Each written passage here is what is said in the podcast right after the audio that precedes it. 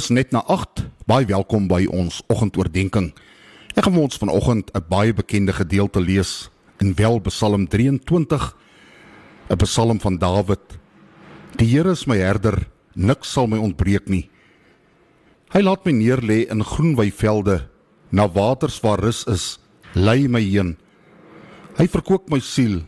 Hy lei my in die spore van geregtigheid om sy naam ontwil. Al gaan ek ook in 'n dal van doodskare wee, ek sal geen onheil vrees nie, want U is met my. U stok en U staf vertroos my. U berei die tafel voor my aangesig teenoor my teestanders. U maak my hoof vet met olie, my beker loop oor. Net goedheid en guns sal my volg al die dae van my lewe en ek sal in die huis van die Here bly in lente van dae. Psalm 23 is seker een van die geliefdste psalms in die Bybel. Ek wil sover gaan om te sê dis seker een van die geliefdste skrifgedeeltes in die Bybel. En met goeie rede. Want dit spreek van die grootste en diepste lewensprobleme wat mense ondervind op 'n helder, duidelike en direkte manier aan. Hierdie psalm het al talle mense getroos, bemoedig en weer laat opstaan as hulle geval het. Om bekommerd of angstig te wees word van tyd tot tyd deur ons ervaar. En dit word duidelik deur hierdie Psalm aangespreek. Daar is baie dinge wat ons bekommerd maak. COVID-19, ons werk, die situasie in die land, misdaad, ons kinders, ons huwelik, ons finansies, ons gesondheid en so kan ons nog lank aangaan. Ons het soms goeie redes om bekommerd te wees. Enige goeie redelike regdenkende mens wat nie met sy kop in die wolke leef nie, sal soms bekommerd wees.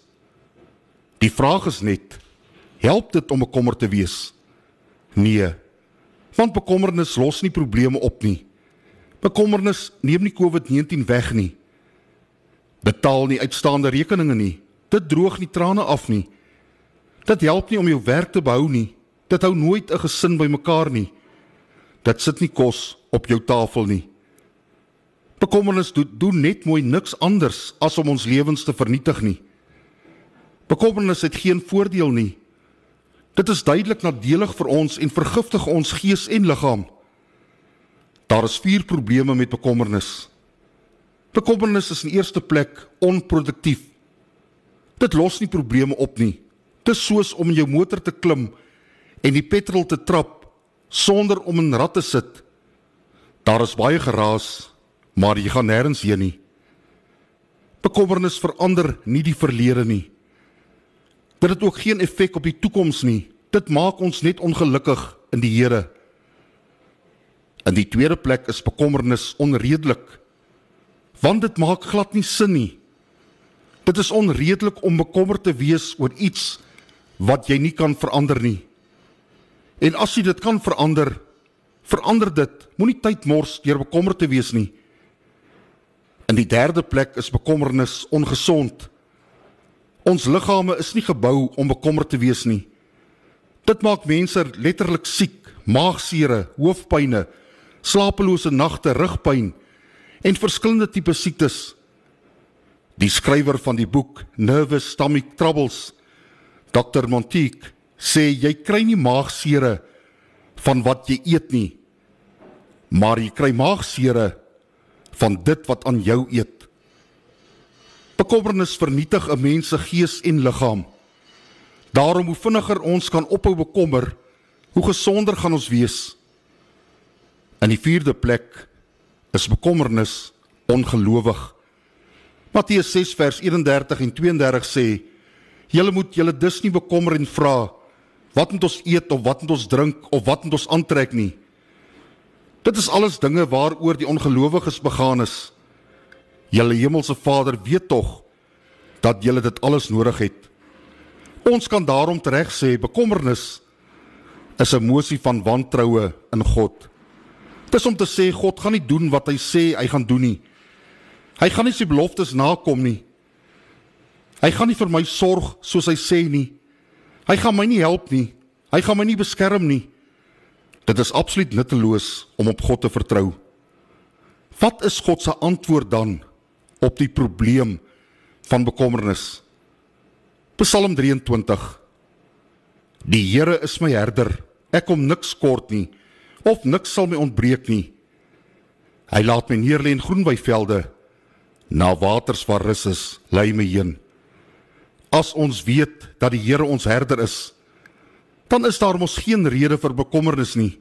Maar ek besef tog vanoggend, dis makliker gesê as gedaan. Maar luister hierna, wat doen 'n herder? 'n Herder voorsien in ons daaglikse behoeftes. Maar hy voorsien egter nie in ons gierigheid nie. 'n Herder beskerm ons teen gevare. Beteken dit dat daar nie slegte dinge met ons gaan gebeur nie? Nee. Die Here beskerm ons teen die meeste slegte dinge. Maar ons lewe in 'n wêreld waarin daar slegte dinge met mense gebeur. Tragedies soos ongelukke, siektes en sterftes.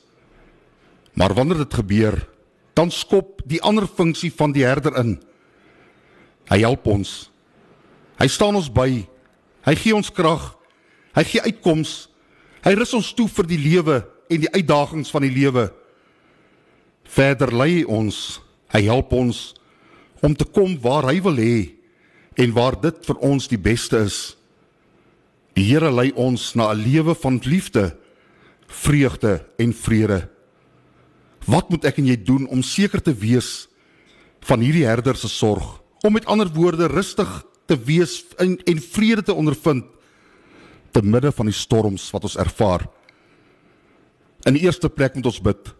Filippense 4 vers 6 en 7 sê: Moet oor niks besorg wees nie, maar maak in alles julle begeertes deur gebed en smeking aan God bekend en die vrede van God wat alle verstand te bowe gaan sal oor julle harte en gedagtes die wag hou in Christus Jesus. As jy nie tyd het om te bid nie, dan het jy tyd gemaak om bekommerd te wees. Bid eerder daardie tyd as wat jy sit en worry. Bekommernis neem baie meer tyd as gebed in beslag. Werp daarom al julle bekommernisse op hom, want hy sorg vir julle, beloof 1 Petrus 5 vers 7. In die tweede plek moet ons ons beywer eers aan die koninkryk van God. In Matteus 6 vers 33 staan: Nee, beywer julle allereers vir die koninkryk van God en vir die wil van God, dan sal hy julle ook al hierdie dinge gee. Vir 'n kommervrye lewe is belangrik dat ons prioriteite moet reg wees. God se koninkryk moet eers te kom in ons lewens en nie ons eie nie. God se droom vir ons lewe moet die belangrikste wees en nie noodwendig ons eie nie. Wanneer ons prioriteite reg is, dan val dinge in plek. Wanneer ons ons oë wegneem van ons eie belange en na die groter prentjie kyk, dan kry ons perspektief. Ons eie probleme skielik nie meer so groot nie en die dinge waaroor ons bekommerd is, is skielik nie meer so belangrik nie. In die derde plek moet ons leer om een dag op 'n slag te leef. Matteus 6 vers 34 sê: "Moet julle nie oor môre bekommer nie, want môre bring eie bekommernis of môre bring sy eie bekommernis. Elke dag bring genoeg moeilikheid van sy eie." Wat is die beginsel agter hierdie woorde van Jesus? Dit wat in die verlede gebeur het, kan ek en jy nie verander nie. Dit wat in die toekoms gaan gebeur, het nog nie gebeur nie. So moet dit nie nou al hanteer nie. Beplan en voorbereiding, doen dit ja. Byvoorbeeld, as jy vir 'n werksonderhoud moet gaan, berei jy jou voor op die moontlike vrae en glo dat die Here sal help om die vrae wat jy nie verwag nie te kan hanteer. Goeie raad is om nie 'n sambreel oop te maak voordat dit begin reën nie of Moenie die Bobbejaan agter die bult gaan haal nie. Die toekoms kan oorweldigend wees. Leef daarom eendag op 'n slag. Gelukkig kan 'n klomp dae op 'n slag nie gelyktydig ons tref nie.